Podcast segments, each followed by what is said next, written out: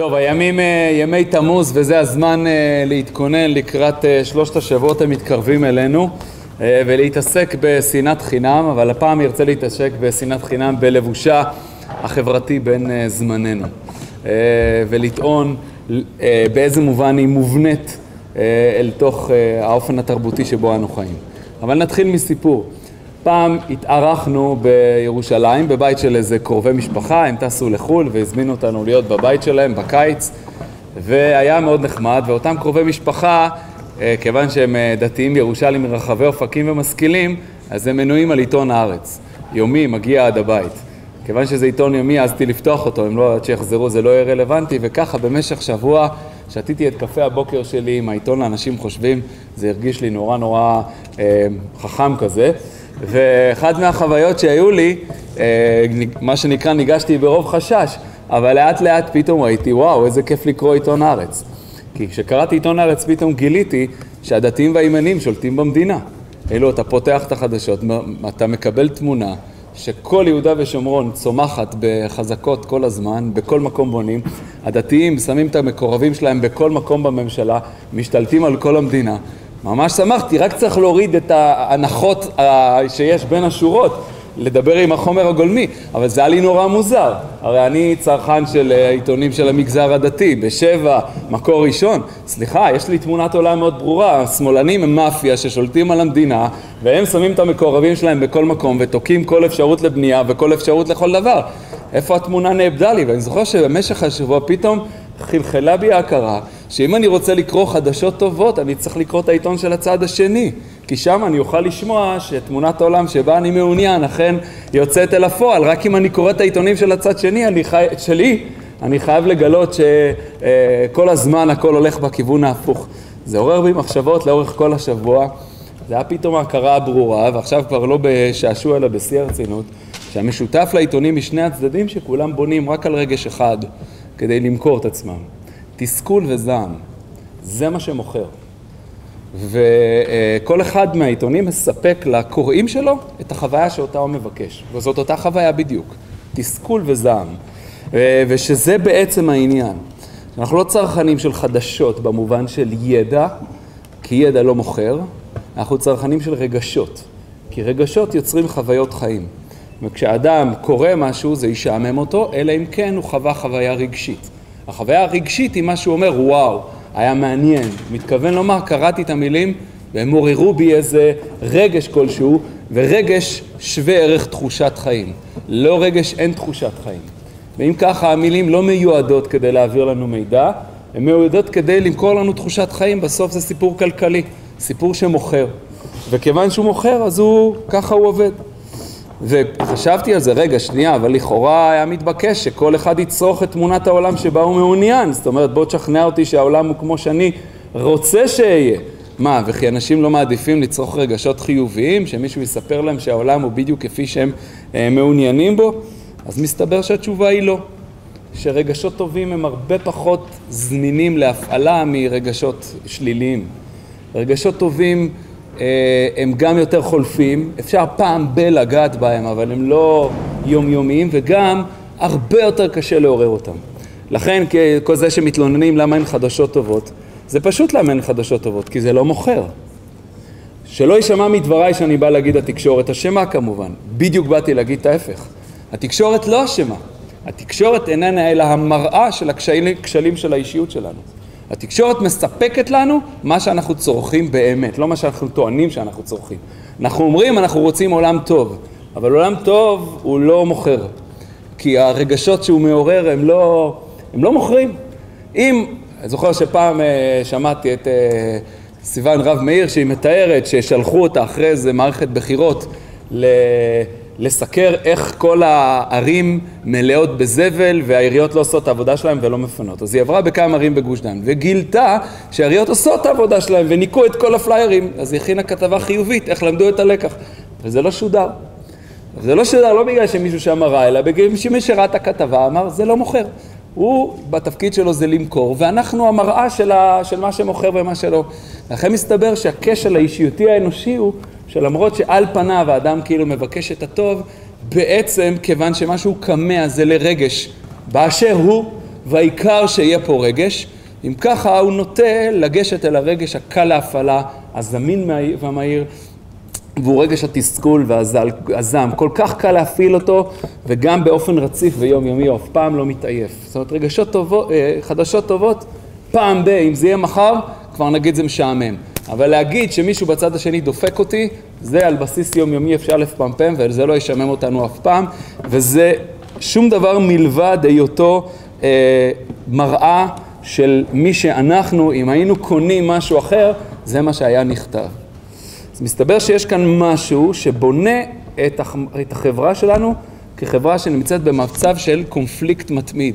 והוא מוטמע באופן עמוק במבנים הצרכניים של היום, שלא בהכרח יש מסת... מסתתר מאחוריהם איזה מישהו עם רצון רע, פשוט המבנה הצרכני בנוי ככה שהוא משקף אה, היבטים מסוימים בקיום האנושי שהם הולכים ליצור קונפליקט מתמיד.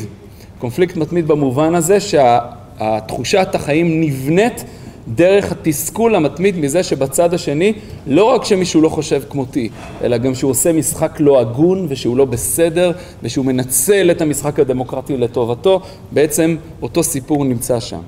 וזה כבר הופך להיות מצב הרבה יותר בעייתי, כי בעצם זה בונה את זה שאי אפשר להגיע לשום הסכמה חברתית. וזאת כבר נקודה משמעותית. לעולם לעולם כל מפגש בין שניים, אפילו שני בני זוג, שני אנשים וכן הלאה, הוא מפגש שיש בו מהלך של פשרות. יש פה רצונות שונים וצריך לפשר ביניהם. אבל אפשר לחלק בין שני אופנים. הרי אין מדד אובייקטיבי למה נקרא פשרה הוגנת. אין מקום אובייקטיבי שנקרא האמצע. כי אין כזה דבר האמצע, זה שאלה איך אתה מודד כל אחד מהמרכיבים, מה שבעצמו נתון לוויכוח. אם ככה, כיוון שאי אפשר להגיד מהי פשרה הוגנת ומה היא לא במובנים אובייקטיביים, נשארנו רק עם דבר אחד, שיש פשרה ששני הצדדים יוצאים ממנה שמחים. זאת אומרת, יש להם איזו תחושה בסיסית שאוקיי, לא יצאתי וכל תאוותי בידי, אבל אני שמח שהדברים החשובים לי נשמרו, ואני שמח גם שהגענו לכלל הסכמה. והסכמה מספיק חשובה לי כדי שאני אשמח בפשרה שהייתה פה ואוכל לקבל אפילו בסוג של אהבה גם את הדברים שוויתרתי עליהם. לעומת זאת פשרה מהצד השני לא הוגנת, זה לא לא הוגנת כי יש פה משהו אובייקטיבי הוגן או לא הוגן, אלא הכוונה ש, שעשינו איזושהי הכרעה שיוצרת את המרכיבים ככאלו וכאחרים, וכל אחד משני הצדדים מתוסכל ובטוח שדפקו אותו. והוא יוצא ממורמר מהעניין, מבחינתו מה שיש פה היה לא הוגן, את הדברים שאותם הוא קיבל הוא כמעט לא רואה, הוא לא שם לב אליהם, הם המובן מאליו מבחינתו. את זה לא הייתי צריך כדי להתאמץ, מה אתה מרגיש שאתה מוותר לי על זה שאתה מרשה לי לנשום? לא, לא נתת לי שום דבר, ומה שלקחת, לקחת את נשמתי הפועמת, וממילא המציאות היא מציאות של תסכול מתמיד באופן מובנה, ומהסיבה הזאת גם הקונפליקט לא ייגמר. זה לא שיהיה איזושהי איזו הסכמה ועכשיו ייווצר קונצנזוס ושקטר את 40 שנה, 40 שנה עכשיו אנחנו מרגישים שיש לנו איזשהו קונצנזוס להיות פה, זה לא יהיה ככה. כל סיום של מאבק יהיה תחילתו של המאבק שבא אחריו.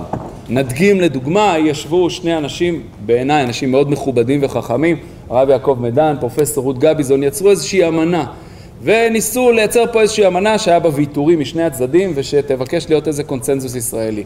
זה לא יתרומם בכלום. זה לא יתרומם בכלום כי זה לא יכול להתרומם, כי באופן מובנה אנחנו נמצאים בתוך מבנה שבו הקונפליקט הוא קיים ולכן באשר תהיה הפשרה שני הצדדים יצאו ממנה מתוסכלים ויותר מזה זה גם לא ייגמר שמה.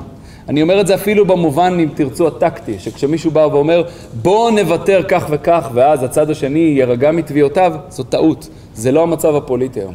לעולם לעולם, אם עכשיו תוותר פה, תשנה פה, יכול להיות על הציר ההלכתי, יכול להיות על הציר הפוליטי או מה שזה לא יהיה, פשוט הזזת עכשיו את כל הדיון ומפה ימשיך המאבק הלאה. זאת אומרת, הצד שעכשיו הרוויח ירים כוסיות, יגיד ניצחנו בזכות הלחץ, בואו נגביר את הלחץ.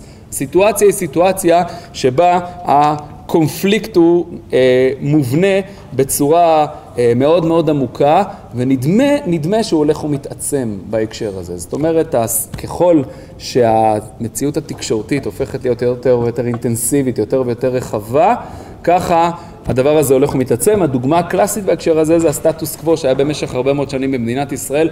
אני לא יודע לקבוע אם הוא הוגן או לא הוגן, אני לא חושב שאפשר למדוד את המושג הזה הוגן או לא הוגן. היה במשך איזשהו זמן משהו שהיה מוסכם, שאף כל אחד יצא ו- ולא תאוותו בידו. הדבר הזה הפסיק להיות מוסכם, הוא נמצא במאבק מתמיד ובזעם מתמיד, ולא מתוך מחשבה שאם עכשיו, אה, אוקיי, אז יהיה תחבורה ציבורית, תהיה נישואים אזרחים, אני לא מתייחס לכל שאלה לגופו של עניין. אולי לגופו של עניין ראוי לעשות כך או ראוי לעשות כך. אני רק אומר שבסופו של הדבר, מהצד השני, לא ייווצר מצב של אוקיי, עכשיו אפשר קצת לנשום ולהרגיש שהמשותף רב על המפריד. לא, זה יהיה סיום המאבק האחד ומיד אחריו יבוא המאבק הבא, וכך בכל תחום אה, ובכל הקשר. קצת אה, מאיפה הדברים הללו אה, מגיעים, טוב, זה כמו מסוג יותר קל לתאר תופעה מאשר לנסות לנתח את גורמיה.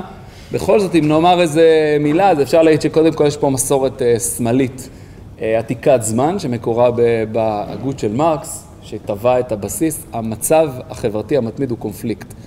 זאת אומרת, דברי ימי, ימיו של העולם הם דברי ימי מלחמת המעמדות. בעומק הנקודה היא חברה נתפסת כחברה שהיא חברה של מאבק מתמיד, לא כחברה שיש לה קונצנזוס, זאת התמונה היא, יש הסכמה רחבה ויש כמה סוגיות שאנחנו לא מסכימים בהן, לא, אין הסכמה רחבה על היסודות הבסיסיים ביותר, אנחנו נמצאים במאבק מתמיד על משאבים.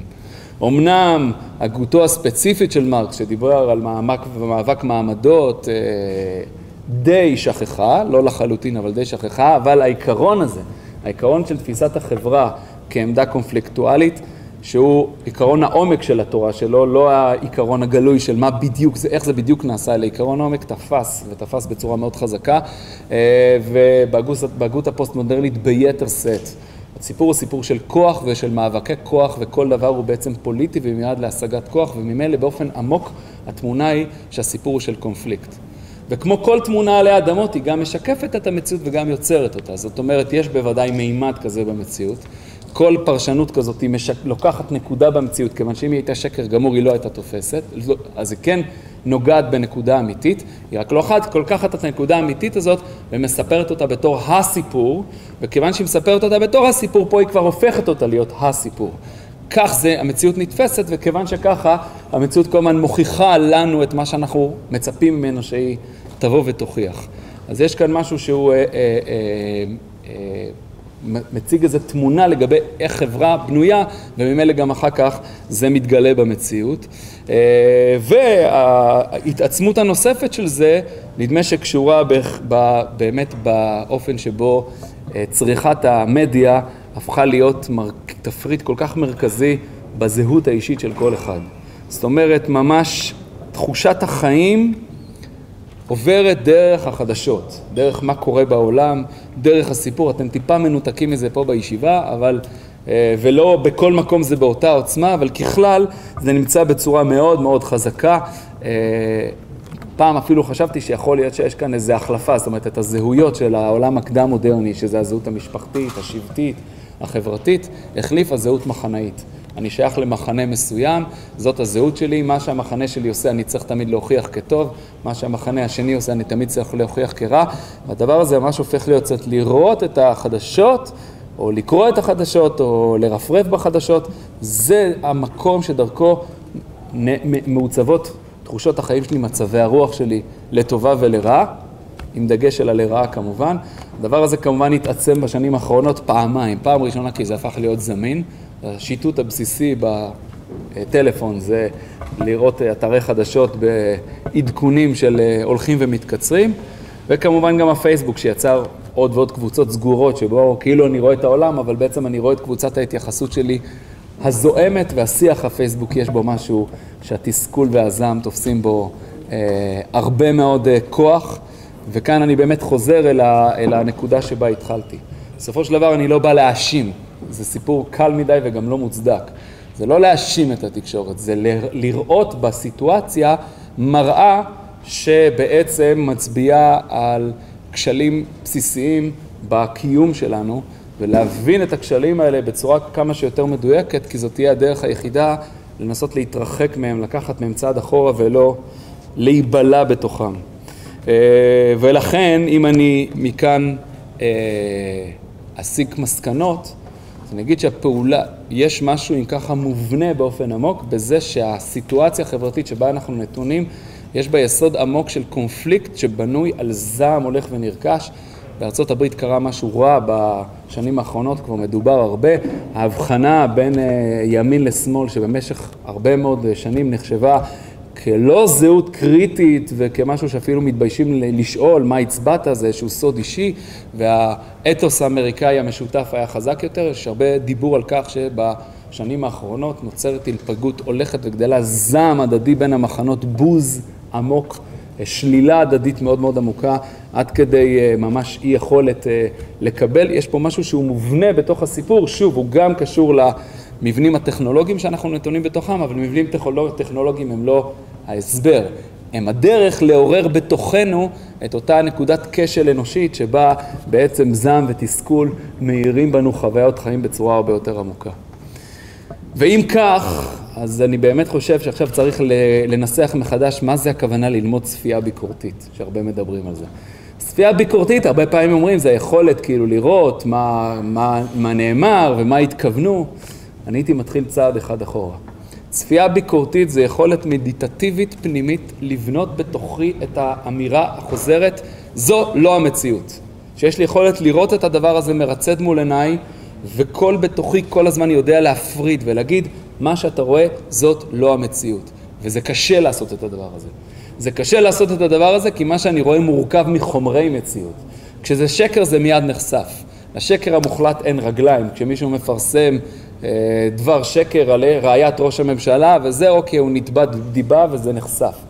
זה הופך להיות מסובך כשזה לא שקר, שזה מורכב מחומרי מציאות, ודווקא בגלל זה, אז זה, זה מתעתע. כי זה, הנה, זה תמונות, זה דברים שנאמרו, זה דברים שנעשו. לא, זהו, זאת לא המציאות. אני צריך להזכור את זה. זאת הרכבה של חומרי מציאות לסיפור. בהרכבה הזאתי נבחרו חומרים מסוימים, נשמטו חומרים אחרים, ומה שבעיקר, בעיקר קרה, יש פה תבנית ציפורית מסוימת שהמציאות משרתת אותה. לא שהסיפור פה משקף את המציאות, אלא יש תבנית ציפורית ויש חומרי מציאות שמשרתים אותה. כשהמציאות לא תשרת את התבנית הסיפורית, היא פשוט לא תוקרן. כי יש תבניות סיפוריות מסוימות שהן אלו שעכשיו הציבור דורש. והכתבים יודעים את זה, והם עכשיו מייצרים חדשות שמותאמים לתבניות של דרישות הקהל. ואם ככה עכשיו צריך להגיע לאיזשהו מקום, לאתר בתוך הסיטואציה את החומרים שתוכל להרכיב אותם. יש טובים קבועים ורעים קבועים, ובאיזה אופן הטובים פעלו ובאיזה אופן הרעים פעלו. יש פה סיפור, הוא מורכב מחומרי מציאות או לא מציאות, וזה ידע שאנחנו יודעים אולי להגיד אותו, זאת פעולה רוחנית פנימית.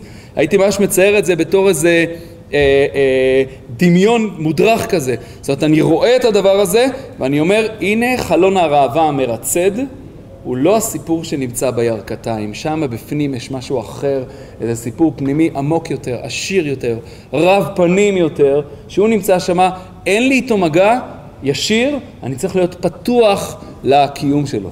כל אחד חווה את זה בפעם היחידה שבה הוא יוצא לו שהוא מצוי בסיפור לפרטי פרטיו, או פתאום רואה אותו בתקשורת. אז אתה יכול לראות את זה בצורה ברורה. זה לא שזה שקר, כמו שזה סיפור שסופר על תשתית חומרי מציאות מסוימים. וזה, זה, השקר הוא לא העניין, כי שקר אתה יכול להוציא פוסט זוהם ולהגיד זה השקר. זה לא, זה פשוט סיפור שהוא בנוי, ויש פה פעולה שהיא פעולה של אה, השקטה כזאת, יכולת ליצור הפרדה ביני לבין הדבר הזה. ולצייר את החיים הממשיים בתור עושר אינסופי של מי מעיין שקטים שזורמים מתחת לפני השטח והם תמיד הרבה יותר עשירים והרבה יותר מורכבים והסיפור המרצד איננו הם כמה שזה מפתה, זאת עבודה רוחנית פנימית, אם אנחנו לא עושים אותה אנחנו נסחפים אל תוך הזעם והתסכול שהם הפעולות הקלות ביותר להפעלת הרגשות שלנו. וזה באמת קשה וזה קשה במיוחד במיוחד שהחומרים שמביאים אליי הם חומרים של פגיעה. כי אז אומרים, תקשיב, אני מראה לך מישהו שנפגע, אתה רואה איזה חומרים קשים, אתה לא יכול להתעלם, אני מראה לך עוול. אז מזה, איך תתעלם מן העוול? אוקיי, חדשות כאלה, חדשות אחרות, ראש הממשלה אמר ככה או אמר ככה, ת, תגיד שזה לא אמיתי. אבל הנה, חשפתי בפניך עוולה. פה זה נעשה הכי מורכב, כי מצד אחד זה נכון. הנה נחשפה עוולה, והנה חשיפת העוולה יכולה לעורר את תיקונה, אבל בו בזמן אני חייב ליצור את ההפרדה הזאת. זה נכון שנחשפה פה עוולה, אבל תמיד צריך לסגור שאפילו המושג פגיעה הוא לא מטבע קשה של מציאות. גם הוא מושג יחסי ותרבותי, יש פגיעות מסוימות שזוכות ליחסי ציבור. אינסופיים, למסע ציבורי, לתביעה מהרשויות לנקוט בצעדים הקיצוניים ביותר כדי למנוע כל הישנות עתידית. יש פגיעות אחרות שלא זוכות לאותו מסע של יחסי ציבור, וגורלנו להיתפס בתור אה, אה, חוק הטבע הבלתי נמנע. יש סוג שלישי של פגיעות שבכלל נשלל הלגיטימציה של הפגיעה, זה בעיה שלך, אתה הבאת את זה על עצמך. גם המושג הזה הוא לא שקר, זה לא שלא נחשפה פה עוולה, אבל גם זה בסופו של דבר רכיב מציאות. ציור מציאות ולא הרוחב של הממשות והפעולה פה היא פעולה ממש כתנועה פנימית, צפייה ביקורתית פירושו של דבר קודם כל היכולת כל הזמן לזכור הנה סרט, הנה סיפור מסוים, אני לא יכול לא לקחת אותו בחשבון, הוא מצייר איזשהם רכיבי מציאות אבל אני חייב כל הזמן לצייר לעצמי הנה אה, סיפור מסוים של המציאות מאחוריו ויש עוד מרחבים אה, אינסופיים. זה נקודה ראשונה. הנקודה השנייה חוזרת לדבר שבו התחלתי, זה עבודה רצינית על רגשות התסכול והזעם שלנו. באמת רגשות זמינים. וכמו כל רגש אנושי, הם רגשות טובים. הם רגשות טובים במובן הזה שהם באו להיות תמרור אזהרה שבא לעורר אותנו לפעולה. נדגים דוגמה מקבילה, פחד. האם פחד הוא רגש רע? לא, הוא רגש מצוין. פחד בא לאותת על סכנה. הוא הופך להיות בעיה כשהוא הופך להיות מובנה. לא הסכנה מעוררת את הפחד, הפחד כל הזמן צועק יש סכנה, זאת אזעקה שהתקלקלה. אם ככה גם אותו דבר לגבי הזעם והתסכול. זה נכון שרגשות זעם ותסכול הם מניעים טובים לפעולה. ואם כולם חיים באיזה ארץ אוביטים אה, חייכנית, קשה לחשוב איך עוולות באות לידי תיקון. אבל גם כאן יש משהו שהופך להיות מתישהו אזעקה שהתקלקלה, והופך להיות משהו שמייצר את המציאות ולא מגיב למציאות. ואז יש עוול בכל מקום, תסכול בכל מקום וזעם בכל מקום, ובסופו של דבר, בטווח הארוך, במקום שזה יתקן, זה מקלקל. כי בסופו של דבר אנחנו יוצרים חברה שכל הזמן חווה את הצד של הוא כזה לא בסדר, כזה עושה מה שמתאים לו, כזה מקדם את האינטרסים שלו נגד ההגינות, שגם לי מותר. ואז בעצם תיקון עוול נקודתי הופך להיות יצירת עוול במובניו הרחבים ביותר. וממילא בדבר, ההצעה השלישית שלי זה להיזהר מהצריכה של הדבר הזה בצורה מוגזמת. כמו אה, רגשות שהופכים להיות מתמרורים טובים לאזעקה שהתקלקלה, כך גם חדשות צריך להיזהר. אני לא יכול להיות מנותק, אבל צריך לדעת שזה חומר ממכר. והוא מביא, נוגע בנקודות שהמינון בהם הוא קריטי. הוא קריטי כי אני הולך וטובע בתוך העכשווי והחולף והזוהם והכועס ומאבד משהו. פעם שמעתי את יובל שטייניץ אומר אה, אה, משהו מאוד מעניין, הוא אמר אין לי טלוויזיה בבית כי אני חושב שבתור שר בישראל אסור שיהיה לי טלוויזיה בבית, אני לא יודע אם זה נכון היום, שמעתי אותו לפני כמה שנים. כי אם אני רואה טלוויזיה, אני בעצם אה, אחליט את ההחלטות שלי מחר במשרד לפי הכותרות של אתמול. והתפקיד שלי הוא לראות רחוק. זה בהקשר של תכנון אסטרטגי ותכנון טקטי, בהקשר של הקונפליקטואליות המובנית של החברה, אנחנו חייבים לעורר בעצמנו את המינון הנכון של בין חוויית העכשיו לבין חוויית המרחב. בגלל זה יש תמיד נטייה לראות את העבר באופן נוסטלגי ואת ההווה באופן קודר, כי את העבר אנחנו רואים באמת בגודל שלו. אז אנחנו אומרים, טוב, היו בעיות, היו דברים לא מושלמים, אבל ככלל קרה משהו מרשים. אבל ההווה נורא ואיום. היכולת שלנו ליצור ריחוק כזה, להגיד, שמע, זה משהו שצריך לצרוך אותו, צריך להיזהר עם מידת הצריכה שלו, וצריך להיזהר מהסיטואציה שהוא משתלט על היש שלנו ועל הזהות שלנו, והופך להיות מעצב מרכזי בזהות שלנו, זה דבר שממש צריך ליצור ריחוק ממנו. זו פעולה, כש, כשפותחים ומסתכלים, יש איזה קול פנימי שצועק, אבל זו לא המציאות. כמה שזה נראה מפתה. אה, נסיים את זה בלומר שאני חושב שכלי לעבודה בדבר הזה הייתי מציע שיש לנו בתפילת 18 אה, של כל יום. כי בעיניי ברכת אבות זה המקום שהיא מבקשת להניח אותנו. יגיד השם שפתיי תפתח ויגיד תהילתך. לנשום עמוק, להשתחרר רגע מההווה, להרגיש את הזמן נמתח. אלוהינו ולא אבותינו, אלוהי אברהם, אלוהי יצחק ולא יעקב. הוא מביא גואל לבני בניהם למען שמו באהבה. יש סיפורי עומק שקורים על פני טווחים ארוכים, והם לא כפופים לכותרת האחרונה ואפילו לא לרגש החולף שלנו. ואם נצליח לנשום אותם עמוק, נוכל בסוף לעשות עושה שלום, ולחזור אל תוך המציאות העכשווית, אבל שמשהו בנו קצת יותר נושם את האוויר לעומק, קצת לוקח אותו יותר לריאות ולבטן, ומתוכו יכול לפגוש אותו בצורה יותר מדויקת ובצורה שלא הופכת את צריכת התסכול והזעם להיות אה, התפריט המרכזי של הקיום שלנו. ואולי בשיא השיאים נגיד, שאפשר אולי אפילו להצליח להגיע לברכת מודים בהצלחה. זאת אומרת שיש תחושה חיובית ועמוקה של היש, של האור, של ההארה של ההי, ובתוכה אפשר גם לבוא ולפעול את הפעולה של התיקון, אבל מתוך אמון ביכולת להגיע כן לאיזשהו קונסנזוס שהוא המרכז, וסביבו הקונפליקטים משמשים כתבלין, משמשים כתיקון, אבל לא הופכים להיות הדבר שהוא כשלעצמו.